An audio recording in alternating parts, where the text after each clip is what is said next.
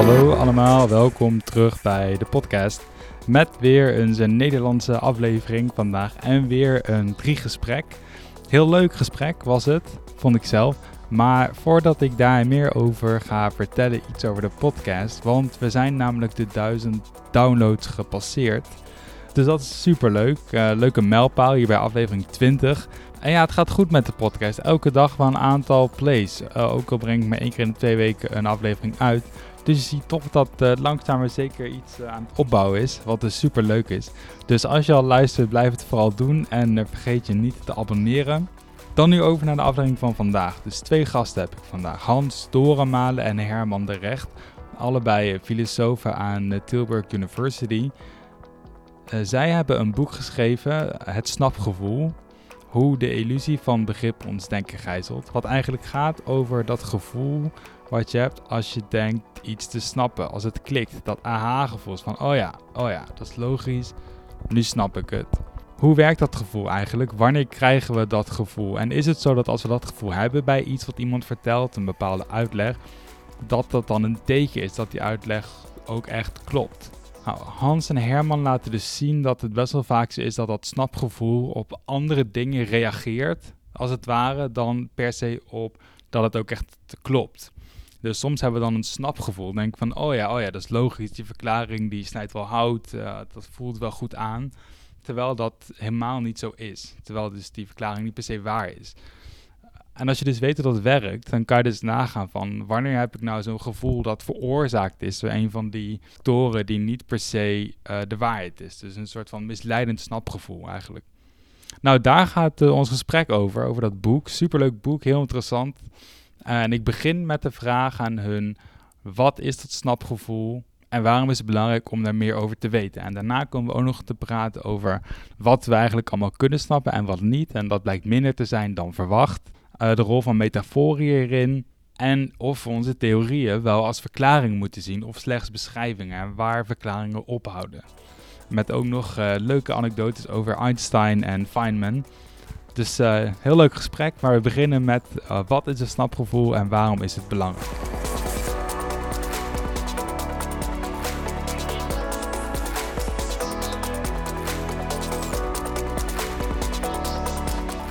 Nou, ik, ik denk dat het uitleggen van wat een snapgevoel is, dat kan eigenlijk op een hele makkelijke manier. Omdat de term precies aangeeft wat het is. Uh, het snapgevoel is namelijk het gevoel wat je hebt wanneer je iets snapt. Of is het denk te snappen. Of denk te snappen, precies. Um, en en dat, dat gevoel, dus het gaat om een, om een soort van uh, uh, toestand waarin je verkeert. Het gaat om een psychologische toestand. Um, waarin je inderdaad iets snapt of denkt te snappen. En dat is dat is feitelijk wat het is. Meer, meer dan dat is het eigenlijk niet. Maar er is wel heel veel meer over, over te zeggen. Dus het is, er is veel te zeggen over hoe je daar aankomt. Mm. Hoe je een snapgevoel krijgt. En wanneer dat snapgevoel terecht is en wanneer het snapgevoel onterecht is. Maar um, ja, als je bijvoorbeeld aan een biljarttafel staat en je ziet twee biljartballen tegen elkaar aanbotsen. En, je, en de tweede biljartbal die, die beweegt door de botsing van de eerste biljartbal. Dan, dan zie je iets gebeuren en dan als iemand je dan vraagt waarom, is het, uh, waarom beweegt de tweede biljartbal, dan zeg je wel, oh, nou, dat, dat snap ik, want dat komt door de botsing met de eerste biljartbal. En dan heb je dus het snapgevoel. Nou, dat kun je op heel veel verschillende, binnen heel veel verschillende domeinen hebben, ten aanzien van heel veel verschillende dingen. Um, en daar valt heel veel meer over te zeggen, maar that's basically it. Dus het is het gevoel wat je hebt als je, als je iets snapt of, of denkt te snappen. Ja. Dat gevoel heb je bij een verklaring of datgene waarvan je denkt dat het een verklaring is? Dus ja. De uitleg van hoe het komt dat die tweede biljartbal uh, wegrolt, daar heb je een verklaring voor. En dan heb je een stapgevoel. En in dit geval is dat terecht. Ja, dus het is eigenlijk dat gevoel van dat het klikt. Of dat je denkt, oh ja, dat is logisch. Oh ja, nu weet ik hoe dat zit. Of je denkt dat je, te, dat denk, je denkt te weten hoe het zit. Ja. Dus, um, ja. En dan de interessante domeinen zie je natuurlijk als um, zeg maar wat waar is. En wanneer je dat gevoel hebt, dat dat uit elkaar gaat lopen. Ja, dus wat, wat jou, jouw tweede vraag was, um, en waarom is het belangrijk om iets meer te weten over het snapgevoel? En, en uh, Hans, volgens mij ga jij er iets over zeggen. Uh, ja, het gaat natuurlijk om dus, um, of dat dat snapgevoel een terecht snapgevoel is. Hè? Dus, je kan, dus daar was, is het idee dat, dat je een verklaring hebt waar je een snapgevoel bij hebt, is belangrijk. Uh, want je kan dus een verklaring hebben. En als het de correcte verklaring is, en die is in termen van botsingen, zoals bij die biljartbal, uh, dan zal je ook het gevoel hebben dat die verklaring klopt, hè, dat je het snapt. En dan is dat direct. Maar je kan ook natuurlijk een verklaring hebben die een nepverklaring is, maar die je wel goed voelt. En ja. als je dan zegt, ja, ik snap het, ja, dan zit je, het, uh, dan zit je fout, hè? En uh, dat kan natuurlijk allerlei uh, Dan ga je gekke dingen geloven. Of tenminste, dan ga je dingen geloven die niet, die niet kloppen. En als je op zoek bent, als je een waarheidszoeker bent, als je een wetenschapper bent, of rechter of iets dergelijks, dan, dan zoek je naar hoe de wereld in elkaar zit. En dan moet je dus ja, eigenlijk ervoor oppassen dat je niet een onterecht stapgevoel hebt. Of aan de andere kant, ja. een onterecht gevoel van mysterie. In, in het meest extreme geval kan het, kan het natuurlijk ook leiden tot uh, het hebben van, van denkbeelden en overtuigingen bij mensen die ze niet terecht hebben, maar ze hebben een snapgevoel, dus ze denken dat ze snappen hoe het zit. En dat ze op basis van die overtuigingen dingen gaan doen die nadelig zijn voor henzelf of voor andere mensen denk dat dat wel, uh, dat is wel een extreem geval. Dus ja, denk aan, uh, aan hele uh, nadelige complottheorieën die mensen verzinnen of geneesprocedures die mensen verzinnen, omdat ze denken te snappen hoe het zit. En het blijkt niet terecht te zijn. Um, daar kunnen we natuurlijk veel meer over zeggen, wanneer het terecht is en wanneer het niet, niet terecht is. En dat kan tot allerlei nadelige effecten leiden bij, bij mensen die die overtuigingen hebben of mensen om hen heen. Ja. Dus ik maar dat is, dat is een extreem geval. En wat, wat Hans zegt is denk ik ook wel heel erg belangrijk. Um, als je uit bent op de waarheid, dan moet je meer weten over wanneer je het snapgevoel terecht krijgt en wanneer je het snapgevoel onterecht krijgt. Ja, zodat je kan herkennen van oké, dit snapgevoel heeft waarschijnlijk die of die oorzaak, dus dan is het waarschijnlijk niet terecht. Ja, ja. Dat, dat, je, dat je weet dat je het snapgevoel hebt. Dus stel dat je, uh, uh, dat je erop gebrand bent om telkens uh, de vraag te stellen: Ja, ik heb nu wel het gevoel dat ik het snap, maar is dat gevoel terecht? snap, hè, heb ik het, en, dan kun je, en dan kun je proberen te traceren hoe je het snapgevoel hebt gekregen. En dan wat wij proberen aan te geven in het snapgevoel, het boek, is ehm, hoe je het snapgevoel op een terechte manier kunt krijgen en hoe je het snapgevoel op een onterechte manier kunt krijgen. Ja, dus voordat we dat even gaan uitpluizen, misschien goed om. Wat zou zo'n voorbeeld van een verklaring of een theorie, of misschien gewoon een bewering die dus intuïtief heel plausibel is, dus die dat snapgevoel genereert, betrouwbaar genereert, maar die, is eigenlijk uh, niet klopt. Ja, als je, als je gaat nadenken over moleculen en atomen en dat soort zaken, dat je zegt van waarom stijgt de druk in een, in een, in een vat als, het, als je het verwarmt? Nou, dan gaan die bolletjes harder bewegen. Dan gaan ze harder tegen de, tegen de, de wand van, van het of iets dergelijks. Maar ja, dat heb je dus een, een beeld van moleculen of atomen of kleine deeltjes die een soort knikkers zijn die met elkaar botsen. En mm dat levert je een snapgevoel op. Want oh, het botst. Ja, nou snap ik hoe, hoe dat het zit met die elektronen of die moleculen. Um, maar dat zijn helemaal geen bolletjes. Nee. Dus dan, dan maak je dus eigenlijk gebruik van dat, uh, dat, je, dat je een snapgevoel krijgt uh, bij botsen op ballen. En daar is het terecht. En als je dan dus iets anders voorstelt als botsen op miljardballetjes, dan krijg je daar ook een snapgevoel bij. Alleen als dat geen botsen miljardballetjes zijn, dan is dat onterecht. Ja, en uh, zoals ik begrijp in jullie boek, veralgemeniseert het eigenlijk. Dus we kunnen best wel betrouwbaar, dus we, kunnen mensen het snapgevoel geven over iets door een verklaring te geven, dus in termen van uh, botsingen en duwen en trekken. Um, maar heel veel dingen, dus zoals met moleculen, en die hebben het ook over radiogolven, die um, werkt eigenlijk helemaal niet op die manier. Dus terwijl dan wordt dat uitgelegd door iemand op zo'n manier, dan denk je, oh ja, ja, ja, dat is logisch, ja, ja, nu snap ik het. Terwijl je, je snapt het dan eigenlijk niet echt. Ja, ja je, hebt dan, je hebt dan wel het snapgevoel, maar, uh, maar als, je, als je doorvraagt, dan komen mensen er al heel snel af dat ze eigenlijk helemaal niet snappen. Hoe bijvoorbeeld de radio werkt. Ja, dat is al Wat zeg je? Vraag het maar eens aan iemand om het uit te leggen. Ja, nou ja, ik, ik herinner me nog altijd uh, levendig een, uh, een voordracht uh, die ik hield voor een, een groep van oud van gepensioneerde Philips-ingenieurs. En, en, en toen waren wij net bezig met het nadenken over. nee, toen waren we het boek aan het schrijven zelfs. En probeerde ik overal het, het, het, voorbeeld uit van de radio, de transistorradio. En uh, vroeg ik dus ook aan, de, aan deze gepensioneerde Philips-ingenieurs. Nou, kunnen jullie mij uitleggen hoe een transistorradio werkt. Nou, dan krijg je natuurlijk fantastische verhalen, heel technische verhalen ook, over hoe het transistorradio werkt.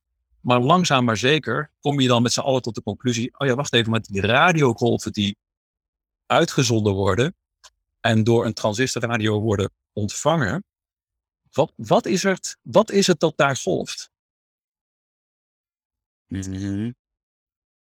Nobody knows. ja. De golf helemaal dus, dus mensen zoeken dan, uh, uh, denken aan, aan golven zoals je denkt aan uh, golven in de zee of iets dergelijks. Mm. Of waar je, waar je gewoon echt iets ziet, hè, waar je dus echt iets ziet golven. En mensen denken aan radiogolven op een manier dat er, dat er echt iets golft. Je ziet mij ook nu deze, deze beweging maken. maar dat is niet zo. Er golft niet op die manier iets. Er golft wat dat betreft niks. Of wanneer je het hebt over velden, want je moet uiteindelijk moet je het uh, verklaren in termen van velden. En niemand weet wat die velden zijn. Vel, hoezo zijn het velden? Nou, op velden kun je uh, lopen. We hebben allemaal het idee van grasvelden en graanvelden en dat soort van.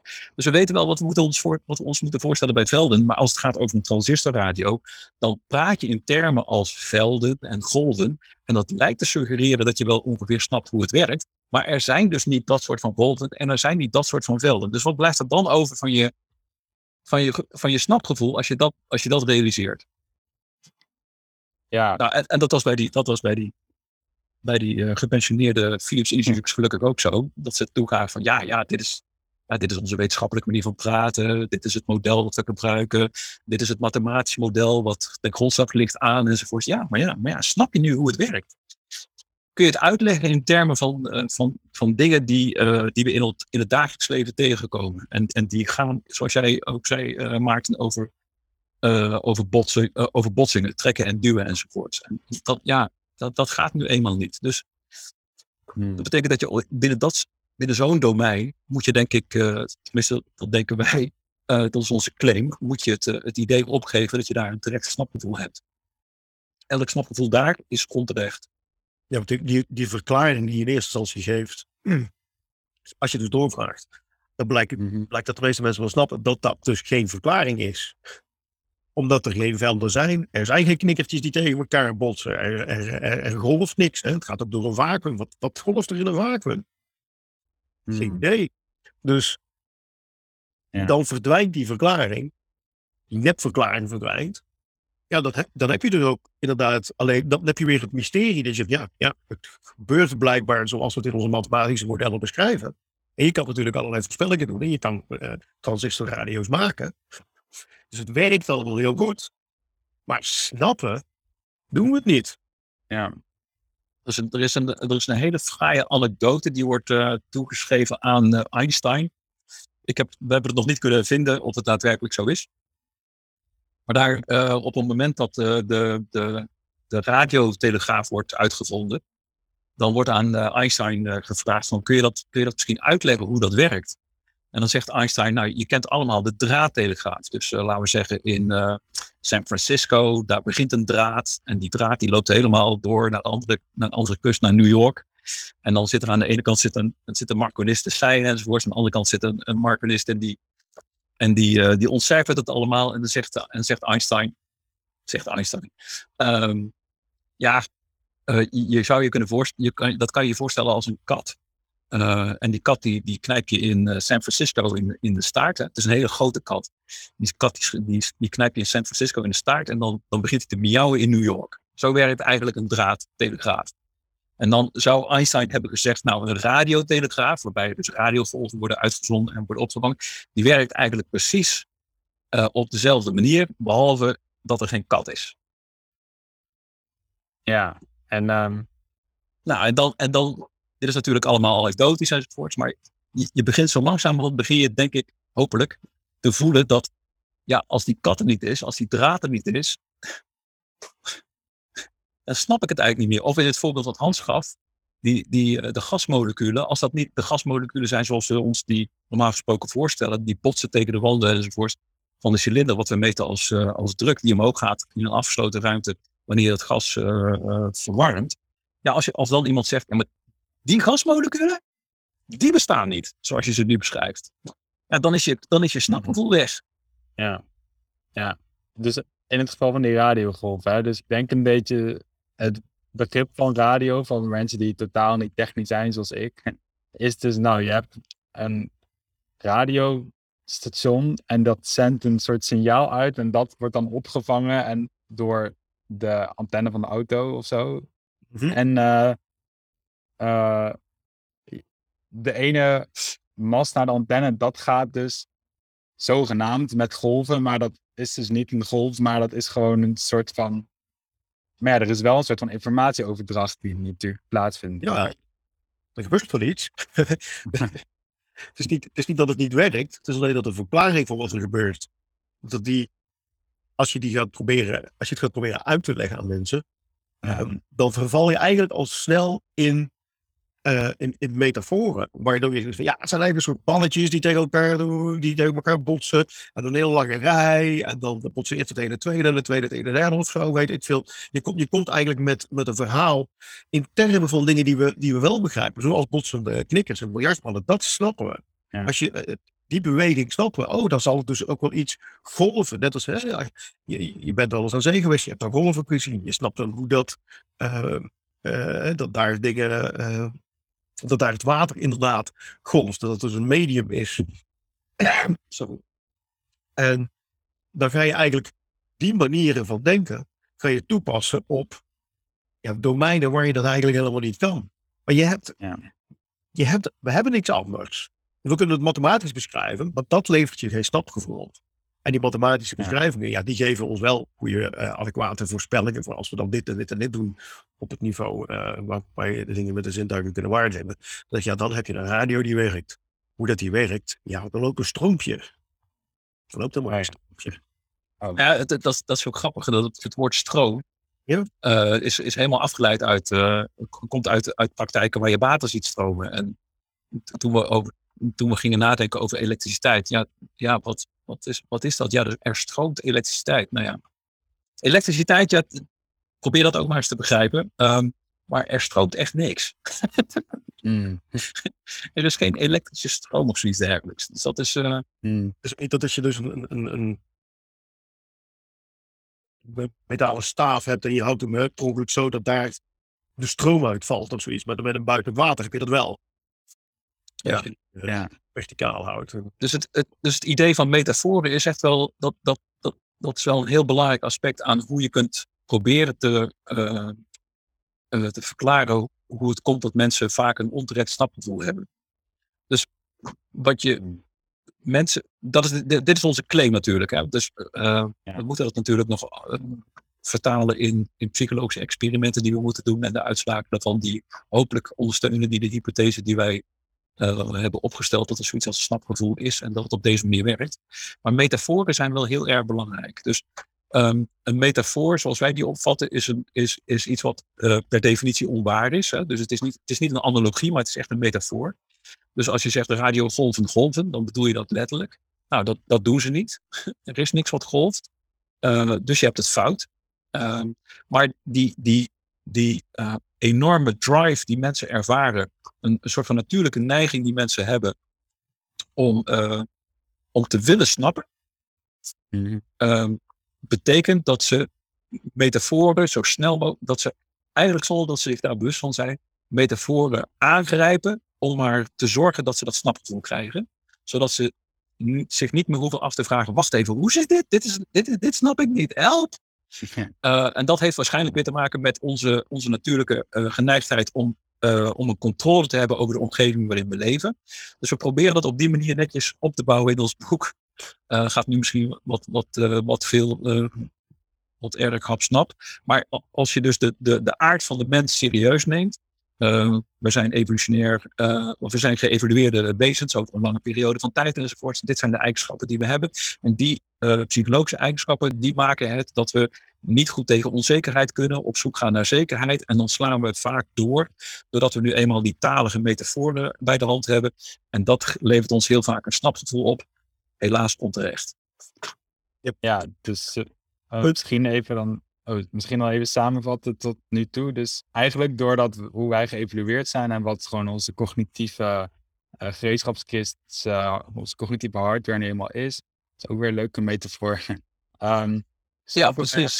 stappen we eigenlijk alleen maar dingen, uh, verklaringen als een gegeven, die verklaring gegeven wordt in termen van botsingen en duwen en trekken, het biljart, biljartpannenmodel. Ja. Dat kunnen we echt snappen op een soort van instinctief, gevoelsmatig, intuïtief niveau.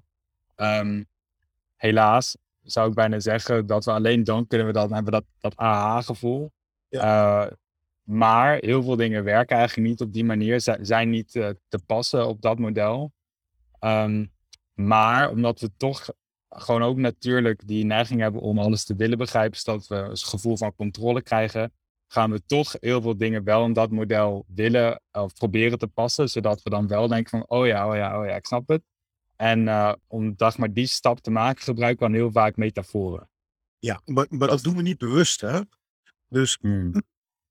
als je gaat zeggen dat, dat uh, als er natuurlijk de docent uitlegt dat uh, strook stroomt of iets dergelijks, dan is die niet met opzet het metafoor aan het gebruiken. Dat, wij zijn wezens die metaforisch denken.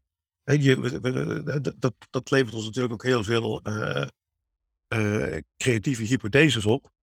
Um, maar ja, uh, dus, dus je moet eigenlijk goed nadenken over wat een metafoor is. Waarbij je dus dingen van het ene concept van het ene domein toepast op het concept in een ander domein. En uh, ja, als die domeinen inderdaad radicaal verschillend zijn, of grotendeels verschillend zijn, ja, dan, dan stel je dus eigenlijk hypotheses op. En zolang je, zolang je niet doorhebt dat dat hypotheses zijn, ga je die dingen wel eens voor waarheid aannemen. En dan zeg je, ah ja, nou snap ik het. Terwijl je het eigenlijk niet snapt. Je moet eigenlijk zeggen van, oké, maar hier is, of feitelijk moet je zeggen, hier is een metafoor aan het werk. dus uh, hier gebruiken we een metafoor. Uh, en dan moet je zeggen, ah, maar een metafoor is per definitie onwaar. Als je zegt tijd is geld, dat is een metafoor. Mhm. En tijd is namelijk geen geld. Maar we denken wel hè, dat je tijd kunt uh, opsparen en dat je tijd kunt uitgeven, tijd kunt verspillen, allemaal net als geld. Dan zeg je, oké, eigenlijk moet je dan zeggen, ah, tijd is natuurlijk helemaal geen geld. Maar dat levert je wel allerlei hypotheses op over uh, hoe je over uh, tijd zou kunnen denken. En die moet je dan weer toetsen. En als je dan erachter komt dat een bepaalde eigenschap van geld ook een de eigenschap is van tijd, dan zeg je, ah, nu hebben we iets geleerd. Dan ben je dus ook van je metafoor ja. af. Dan is het letterlijk waar. Maar zodra je, zolang je niet doorhebt dat je in termen van metaforen praat, en dat is heel vaak het geval. En dus inderdaad, als je zegt, je, je cognitieve gereedschapskist. Ja, nou, voor, voor hè, de geest hebben we allerlei metaforen. Hè, ook voor mensen die gek zijn, die zijn van het padje af. Ja, hoezo? Liep je op een pad en ben je ernaast gaan lopen of iets dergelijks? Ja, het ja. kwartje is gevallen. Uh, allemaal van dat soort uh, mechanistische en uh, metaforen. Oh, ja. van die dingen die we waarnemen.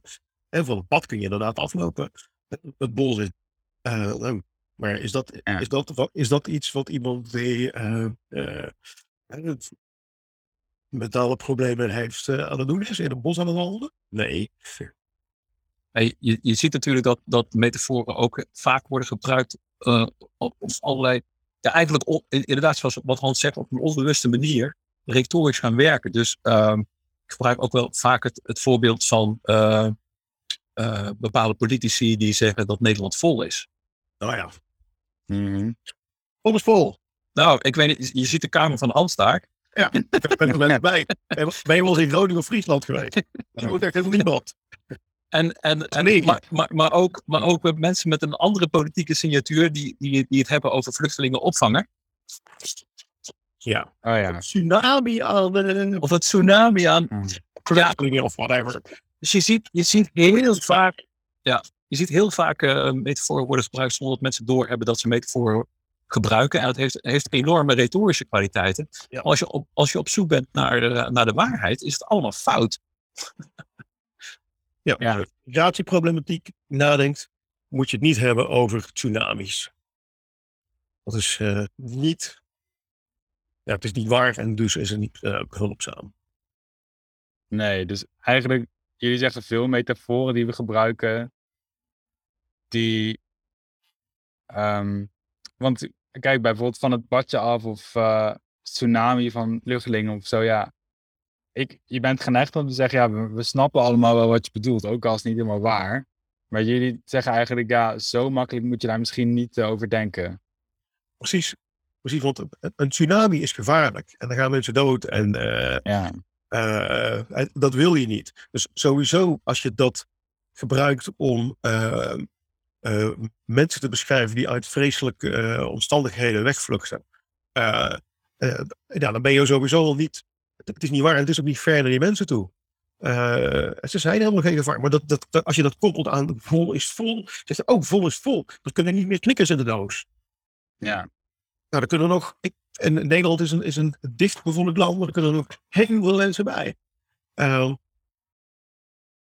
dus, dus, dus je hebt al heel snel, ook bij een tsunami, dan heb je dus inderdaad al meteen een negatieve connotatie. Dat, dat, ja. dat, dat, dat gaat je niet helpen in het oplossen van problemen. Dan moet je per definitie eigenlijk al het, zo het, het probleem op een dusdanige manier geschetst, dat je het op een onware manier geschetst hebt. Uh, geschetst. Maar uh, dus het is iets waar uh, je bijvoorbeeld ook als politicus uh, van bewust zou moeten zijn, omdat je daar is toch eigenlijk, ja, dat zou je hopen van politici, het zijn er vaak natuurlijk gewoon oplichters. Maar ja, kijk naar wat die, die, die hele Trump-rechtszaak nu ook is. Het zijn allemaal oplichters. maar als je een, een, een uh, een politicus bent die het goede met de mensheid voor heeft, dan denk ik dat je ware uitspraken wil doen. Nou, dan moet je dus ook politiek opletten dat je geen metaforen gebruikt, want die genereert daar ook een onterecht snapgevoel. Vol is vol, er komt een tsunami van vluchtelingen aan. Dat levert je ja. onterecht snapgevoel op dat er een heel groot probleem is en we moeten ze tegenhouden. En want dat is dan natuurlijk meteen het idee. Ja. tsunami, dat moet je tegenhouden, dat moet je zien te voorkomen. Nou, je kan ook zeggen, ja, er zijn mensen die vluchten uit uh, oorlogsgebieden. Misschien dat we die moeten helpen. Ja, dat wou ik net vragen, want um, dit zijn, zeg maar, bij, nu hebben we allemaal voorbeelden van metaforen op, zeg maar, sociaal-maatschappelijk domein. Maar dat lijkt anders dan als je metaforen echt gebruikt om iets te snappen wat je dan eigenlijk niet snapt. Mm, zoals bij radiogolven of zo, van het zijn geen echte golven, maar anders snap ik niet hoe het werkt. En dan, maar bij dat vluchtelingen bijvoorbeeld, ja, ik, dat, ik kan best snappen dat er zoveel vluchtelingen komen. Heb ik die, die, tsunami, die metafoor van de tsunami heb ik niet nodig om te snappen dat het er veel zijn. Zo stijl dat het er zijn. Maar... Precies, maar, maar door, door, het, door het op zo'n manier uh, te beschrijven, heb je er al meteen een probleem van gemaakt, terwijl het helemaal geen probleem is. Ja, ik, ik, ik denk dat. Ja, dus snap je het probleem niet. Ik denk, ik denk dat het ook handig is om inderdaad het verschil te maken tussen aan de ene kant uh, Ehm, de, de, de zoektocht naar de waarheid. Dat is, dat is één ding. En daar, daar kunnen we heel veel over zeggen enzovoort. Aan de andere kant denk ik dat je ook niet moet vergissen in wat de kracht is van een snapgevoel. Dus als je eenmaal een snapgevoel hebt, omdat je het niet leuk vindt om, om iets niet te snappen, krijg je natuurlijk ook, dat, dat, dat weet jij Maarten uh, misschien nog wel veel beter dan wij, maar dan, dan het effect is dan natuurlijk, je houdt vast aan het snapgevoel. En als dat snapgevoel niet terecht is, dat betekent dus dat het snapgevoel uh, op een niet terechte manier jou als het ware doet, doet laten stoppen in het verder onderzoek doen naar hoe zaken daadwerkelijk in elkaar steken. Ja. ja. En, en, en, er zijn domeinen waarin dat geen probleem is. Maar er zijn ook heel veel domeinen, uh, de rechtspraak, de geneeskunde, de, de politiek, de, nou ja, enzovoort, waar dat wel een uh, probleem is. Dus dan krijg je snel een snapgevoel door een beroep te doen op metaforen die in principe onwaar zijn als het gaat over iets anders dan de alledaagse werkelijkheid. En dat betekent dat je stopt met, uh, met onderzoek doen en dat je stopt met, met het verzamelen van gegevens die je misschien van gedachten kunnen doen laten veranderen. Dus het is, het is een psychologisch mechanisme wat, wat waarschijnlijk ook, weten we niet zeker, moeten we nog verder onderzoeken, maar wat misschien heel goed ten grondslag zou kunnen liggen aan, aan andere vooroordelen of biases die mensen hebben. Ja, in de zin dat je krijgt ja, je krijgt gewoon dat gevoel, dan ga je stoppen met, uh, dan sta je iets minder open voor nieuwe informatie. En je bent klaar. Uh, ja, moet je denken dat je het snapt. En maar. ja, want een van de onhandige dingen is denk ik natuurlijk wel hierin dat, ja, het is niet raar dat we dingen die, tenzij we dit weten, maar dat je in principe gewoon als default neem je dingen die intuïtief plausibel zijn. Daarvan denk je ook dat ze meer waarschijnlijk zijn. Maar heel veel wetenschappelijke waarheden tegenwoordig, zoals dat ze met weet ik veel kilometer per uur ook nog door het universum aan het tollen zijn, ook nog om onze as en uh, et cetera. Uh, want zo voelt het niet namelijk. Dus dat is eigenlijk een heel erg tegenintuïtieve waarheid. Net als dat het eigenlijk allemaal ja, kwantumvelden zijn of weet ik veel. Um, ja, als je dan kwantumvelden, ja. ja. ja. We weten niet of het kwantumvelden zijn. We kunnen ze weten, mathematisch beschrijven, maar we weten niet wat het zijn. Ja. Ja. Dus, en en die, die, intuïties spelen nog wel een belangrijke rol. Dat, uh, dat hebben we ook wel gemerkt. Dus uh, ik weet niet, Hans, of jij er iets over wil zeggen? Uh, ik uh, heb het heel even niet meegekregen, was het hoesten. Nou, ik denk dat Maarten terecht aan, uh, terecht aan zwengelt. Het idee dat ehm, verklaringen die overeenkomen met, met onze intuïties, die geven al snel een snapgevoel. Zeker wanneer die uh, metaforisch zijn en aansluiten op uh, de alledaagse beweging, uh, de alledaagse belevingswereld. dus bijvoorbeeld, ja. Dat, dat is heel erg bij confirmation bias ook. Ja. Daar komt het wel op neer. dus als je een mooie metafoor hebt die jou iets uitlegt. En dus als je al, laten we dat even terug naar die tsunami-metafoor. Als je al denkt dat Nederland vol is, ja, dan is zo'n tsunami-metafoor, die slaat aan bij je, bij je intuïtie. En dan zie je wel. En dat is eigenlijk, ja, confirmation bias. Is er nou over ja. ja.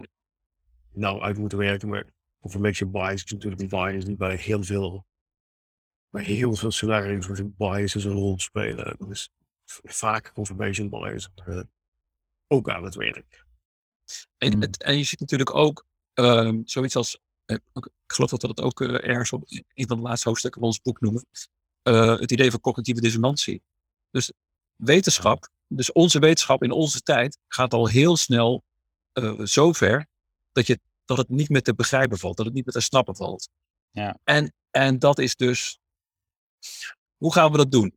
Als, uh, als wetenschappelijk onderzoek laat zien dat er, dat er niet zoiets is wat mensen doorgaans benoemen als de vrije wil. Hoe, hoe, ga je dat, hoe ga je daar dan mee om?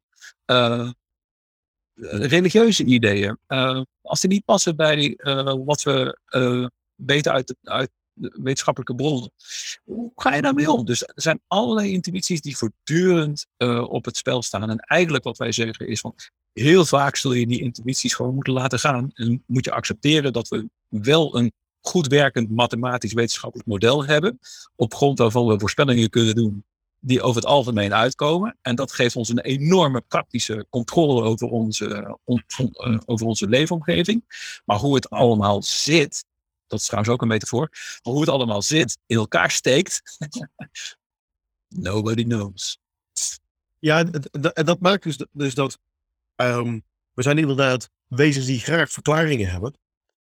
Uh, maar veel van wat we als verklaringen beschouwen, intuïtief, blijken dus helemaal geen verklaring te zijn. En als je dus mensen daarover doorvraagt, dan uh, krijgen ze dat ook door. Dan zeggen ze, hé hey, ja, inderdaad, botst is helemaal niks. Want er zijn geen velden of er is geen tsunami. Hm. Ja, dan vervalt het die verklaring dus. En dan is de vraag vervolgens, ja, hoe zit het dan? Hoe steekt het in elkaar? Dat weten we dan niet. Maar dat wil niet zeggen dat we geen modellen hebben die zeggen van, nou, het zit blijkbaar zo, zonder dat dat een verklaring is, maar dat is dan eerder een beschrijving. En als je die beschrijving gebruikt nou, om, voorspellingen te doen, dan komen die voorspellingen uit. Dan denk je, ja, dat is heel handig. En dus dan kan je een radio maken, zonder dat je weet wat je eigenlijk aan het doen bent in de zin van een verklaring geven. Dus ja, ik kan, ik kan beschrijven dat als ik dit en dit en dit, doe, dan resulteert dat in werkende radio. Dat is super fijn. Maar je hebt geen verklaring voor hoe dat het werkt. Je weet alleen dat het werkt. Het is feitelijk juist. Het is feitelijk zo.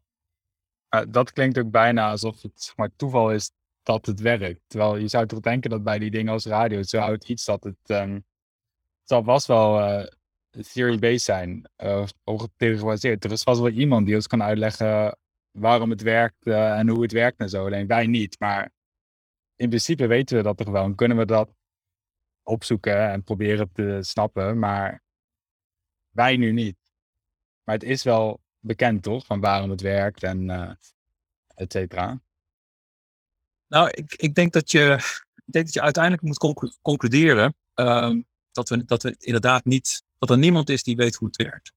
Oh.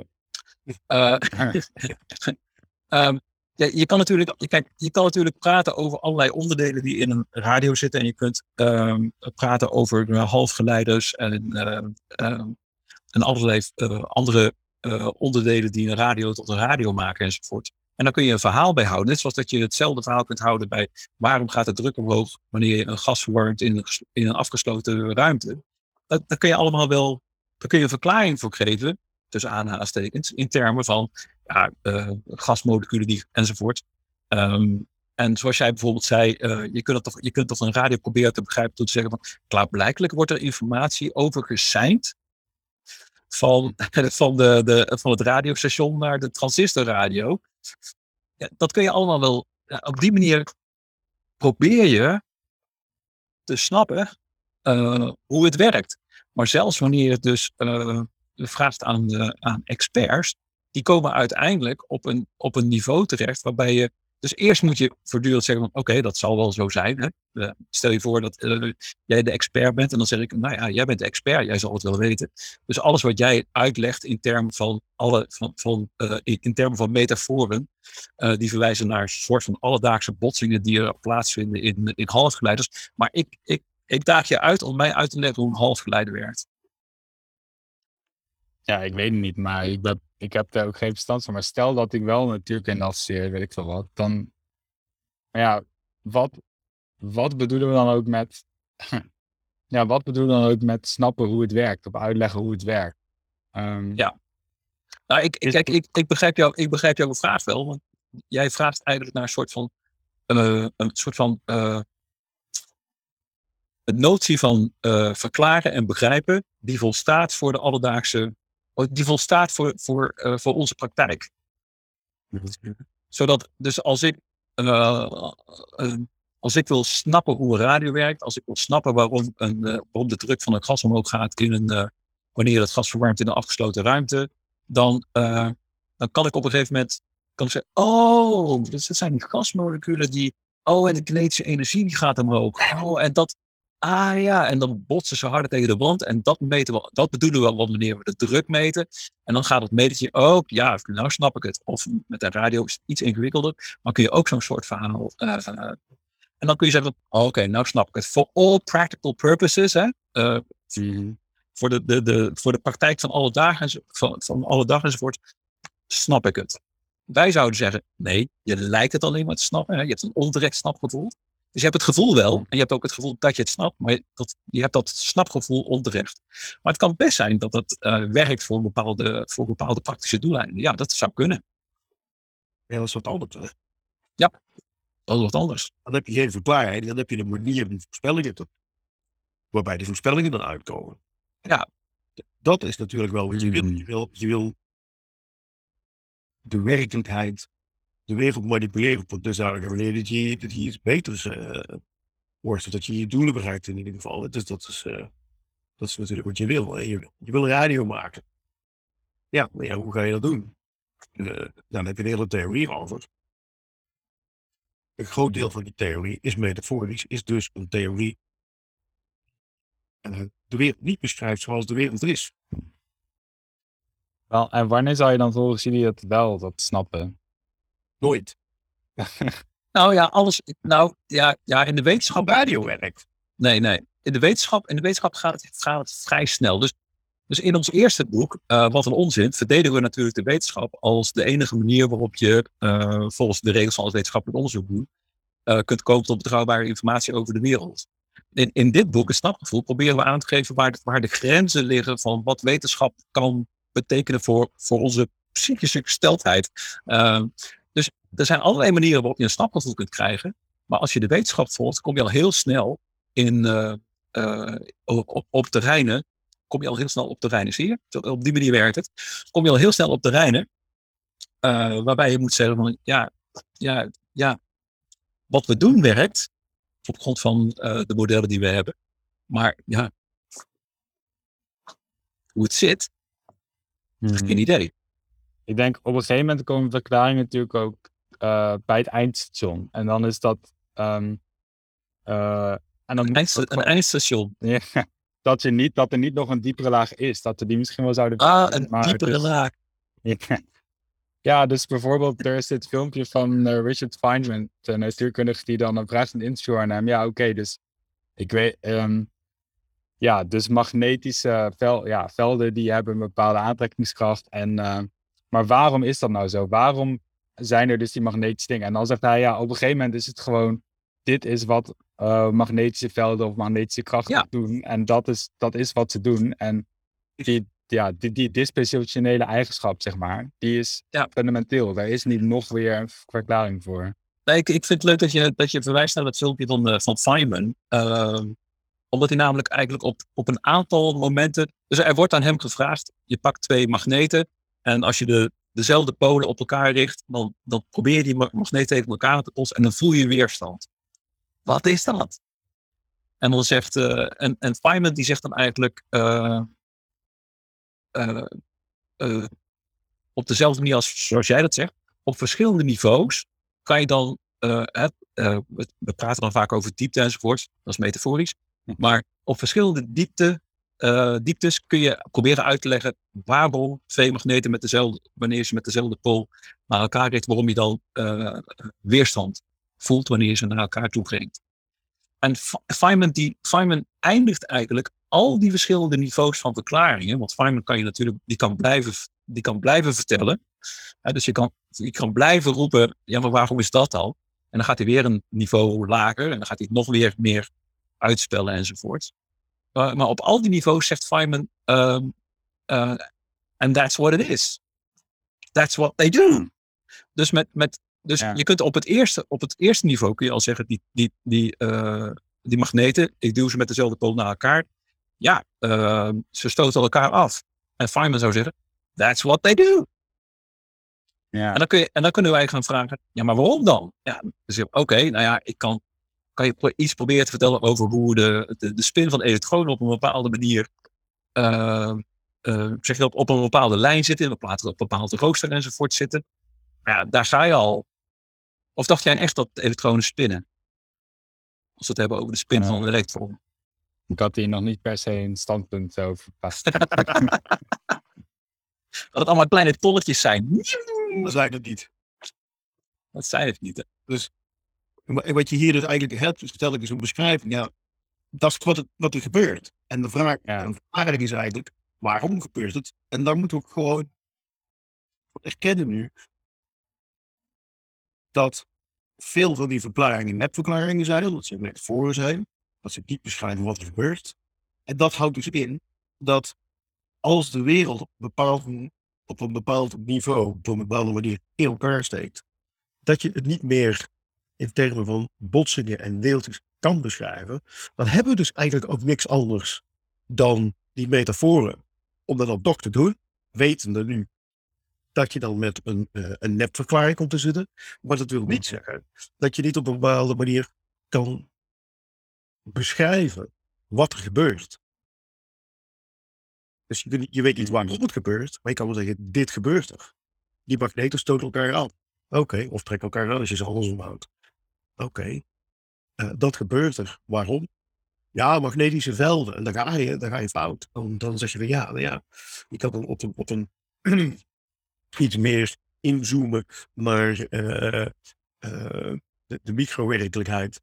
en kijken of dat je daar dan een verklaring vindt. Maar wat je daar gaat doen is eigenlijk ook beschrijven wat op dat niveau gebeurt.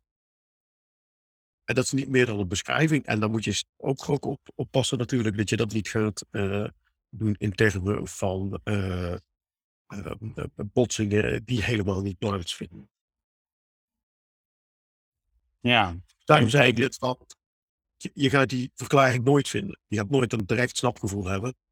Want dat hmm. snapgevoel heb je alleen maar bij verklaringen met betrekking tot botsingen. En als een, een bepaald gedeelte van de wereld niet op die manier werkt, maar op een andere manier, ja, dan gaat die bij ons dat snapgevoel niet genereren. De echte verklaring. Ja. Ja. Ja. Dan blijf je dus met een. Dan weet, je, dan weet je eigenlijk hoe het zit, maar dan krijg je er geen snapgevoel bij. En dan zeg je, ja, maar ik heb nog steeds weten hoe het zit. Ja, Oh ja, want doordat je dus niet zo'n snapgevoel hebt, denk je ook misschien dat je nog eh, iets verder moet uitzoeken of zo. Terwijl dat hoeft misschien beide al. Dus het kan ook andersom, zeg maar. is er ook niet meer uit te zoeken. Dus dat kan Ja. ook nog dat je, dat je Ja, ik denk- ja. Dus ja, we, we hebben het al gehad over als je het snapgevoel hebt, eh, of je het nou terecht hebt of je hebt het eh, eh, niet terecht, maar dan stop je, met, stop je in principe met onderzoeken. Ehm, en als je nog geen snapgevoel hebt, dan blijf je maar, dan blijf je maar zoeken. Ehm, ja, dus als er niks meer te ontdekken valt. ook als er niks meer te ontdekken valt. Dus, dus, dus, Ja. Dus als kijk, wij zijn natuurlijk, wij, wij zijn wetenschapsfilosofen, dus wij, dus, en de, la- de, de meest recente manier om na te denken over wetenschap eh, is, is, een, is een manier die eh, gevoed wordt door de, de cognitieve psychologie. Eh, dus dat betekent dat de, de, de, de psychologische als je, eenmaal, als je niet in metafoor wilt praten, dan kun je best stoppen met praten. Maar de, de psychologische make-up van mensen, die bepaalt voor een groot deel wat ze doen, hoe ver ze gaan in hun onderzoek, eh, wanneer ze stoppen met onderzoek eh, doen enzovoort, waar ze, waar ze eh, op, op afstevenen, wanneer ze een stapgevoel hebben en daaraan vasthouden. Dus ehm, ja, de, de, de psychologie als wetenschap, met name de cognitieve psychologie, is natuurlijk heel erg belangrijk in het proberen te, te begrijpen waarom mensen een, eh, een stapgevoel hebben of wanneer niet. En hoe dat stapgevoel vervolgens een, eh, een rol speelt in de dingen die ze doen. Ja, ja, ja. Ehm, ja, we moeten langzamerhand ook eh, gezien de tijd even naar een einde toe breien. Ehm, misschien een eh, leuke laatste vraag is, in jullie boek zeggen jullie ook op het einde ergens dat, ehm, gezien ook wat jij net zei Herman, dus over dat die cognitieve psychologie eigenlijk heel eh, belangrijk is voor een aantal domeinen zoals wetenschap. het een, goed idee zou zijn om psychologie verplicht te stellen als, middelbaar, als vak op de middelbare school. Ehm, ja, misschien is dat een leuk, eh, wat licht, eh, ja, als een minder complex einde. Misschien kunnen jullie daar nog even tot slot iets over zeggen. Kijk, eigenlijk, eigenlijk wat wij hier doen met het, het hele verhaal over het snapgevoel, is, laten we zeggen, een hypothese eh naar voren schuiven eh, over, over wat er gebeurt als je eh, iets, iets echt snapt en wanneer je ehm, eh, denkt iets te snappen of wanneer je denkt iets niet te snappen, maar eigenlijk al een goede verklaring hebt. Dat zijn natuurlijk biases. En een van de, wat, wij, wat wij vreemd vinden, is dat ehm, we hebben het net over gehad dat, dat, dat wij- denken dat het snapgevoel ook eh, bijvoorbeeld eh, eh, aan cognitieve dissonantie-reductie te koppelen valt en aan te koppelen, weet voor, en aan ehm, eh, confirmation bias. En wat ons opvalt is dat de meeste mensen zoiets bijvoorbeeld pas na de middelbare school horen. Dat er zoiets is als een confirmation bias. Dat het biases zijn. Dus die, die, ehm, die dat, dat gedeelte van de psychologie, wat eigenlijk gaat over kennisverwerving en over fouten die je kunt maken in kennisverwerving. Want biases werken natuurlijk in bepaalde contexten heel goed om tot correcte conclusies te komen. Maar in heel veel moderne contexten, zeker ook in die eh, waar je naar de waarheid zoekt, ehm, in de wetenschap, in politiek, ehm, daar werken biases vaak ehm, tegen het vinden van de waarheid. En het zou heel erg goed zijn, denken wij, als eh, op middelbare scholen kinderen al opgevoed worden, al les krijgen over wat voor soort biases er zijn, zodat ze, zodat ze zich kunnen wapenen, hè, om weer een metafoor te gebruiken, tegen eh, de valkuilen van die, eh, die biases. En dus dat je, dat je ervan op de hoogte bent en ze daardoor hopelijk eh, minder vaak eh, gebruikt op een manier die eh, tot een verkeerde conclusie leidt. En misschien dat er allerlei andere aspecten van psychologie ook wel op de middelbare school uitgelegd zouden kunnen worden. Hè? Mensen die, die persoonlijkheidsstoornissen of zo. Dat, dat lijkt me ook wel heel zondig als kinderen daar toch iets van meekrijgen. Want dat zei dus ik. Dus het gaat niet alleen om biases, de dingen waarin wij als uh, wetenschapsfilosofen in geïnteresseerd zijn. Maar ik denk dat psychologie op de middelbare school, dat het sowieso een heel erg goed idee is. Uh, het gaat uiteindelijk over wie je bent, hoe je denkt, wat denken is. Uh, het is een beetje vreemd dat we elk jaar een enorme aanwas aan psychologiestudenten hebben. HBO en universiteit.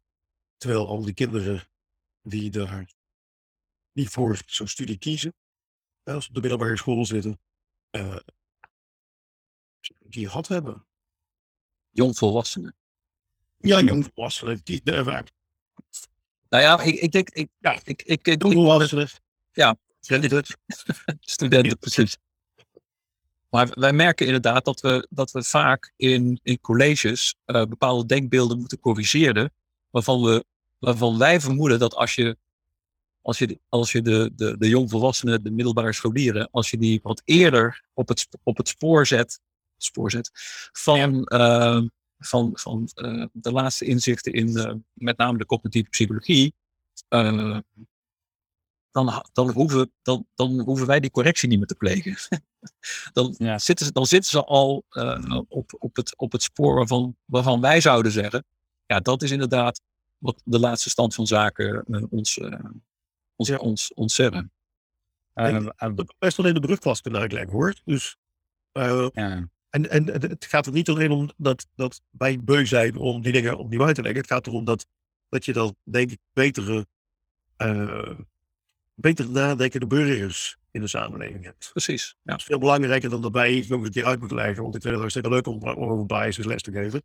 Maar eh, ik denk dat het voor de samenleving beter is als uh, mensen daar allemaal op de hoogte zijn. Ja. Ja, te nadenkende, beter, mensen die beter nadenken in het bestaande rechtssysteem bijvoorbeeld. Ja. Maar goed. Laten we daar maar een andere keer over spreken. ja, nee, mij lijkt dat ook vaak een goed idee. Dus uh, ik heb dan natuurlijk zelf ook als bachelor. En uh, ja, maar ook gewoon dus wat meer, ja, zeg maar persoonlijke dingen. Als hoe ga je met stress om? Of hoe ja. werkt de persoonlijkheid? Dat soort dingen. Dat is Precies, dus, handig. En dan kan je dit maar in integreren dan. Ja. ja. En, zo, en zo kun je ook jonge mensen al, al redelijk vroeg uitleggen zo van, nou, kijk, als je in dit soort van situaties komt, dan zul je zien dat deze natuurlijke neiging op, op gaat spelen. En die gaat je wereldbeeld uh, kleuren. Uh, let op, uh, ben je daar bewust van? Dus ehm, ja, nee, daar, daar, daar, kan echt nog heel veel meer gebeuren op, eh, in een middelbaar schoolcurriculum dan dat er nu gebeurt. Ja, nou, met die mooie call to action kunnen we afsluiten. ja, Herman Hans, bedankt voor het gesprek. Ja, dankjewel dat je ons hebt uitgenodigd. Ja, graag gedaan.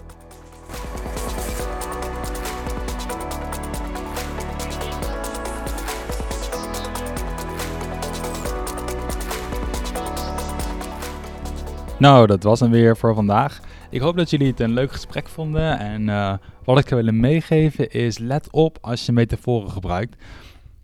Denk daar eens over na. Van welke van de eigenschappen van het ene domein gelden wel voor het andere domein, zoals tijd is geld, en welke ook echt niet. En um, ben ik me daarvan bewust. En als je dus weer eens iets leest over een verklaring, vraag jezelf dan af, is dit echt een verklaring of is dit slechts gewoon een soort van beschrijving? Dus uh, bijvoorbeeld, een ander voorbeeld nog, dat we niet in het gesprek hebben genoemd. In de psychologie zie je dit volgens mij heel vaak.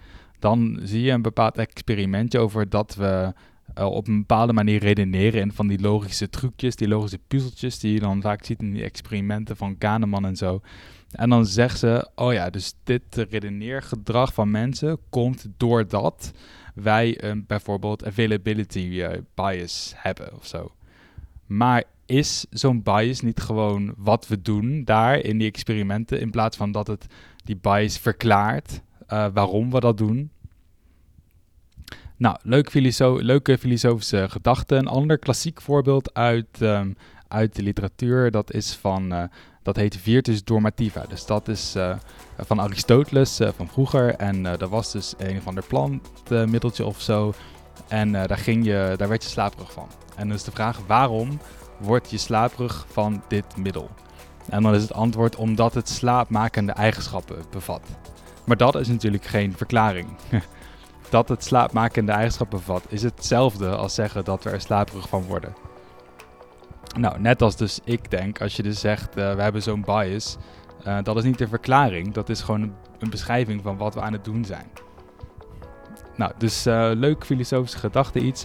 Let op als je iets door leest of hoort in een gesprek, is dit nou echt een verklaring of is het gewoon een herbeschrijving in andere woorden die zich voordoet als een verklaring?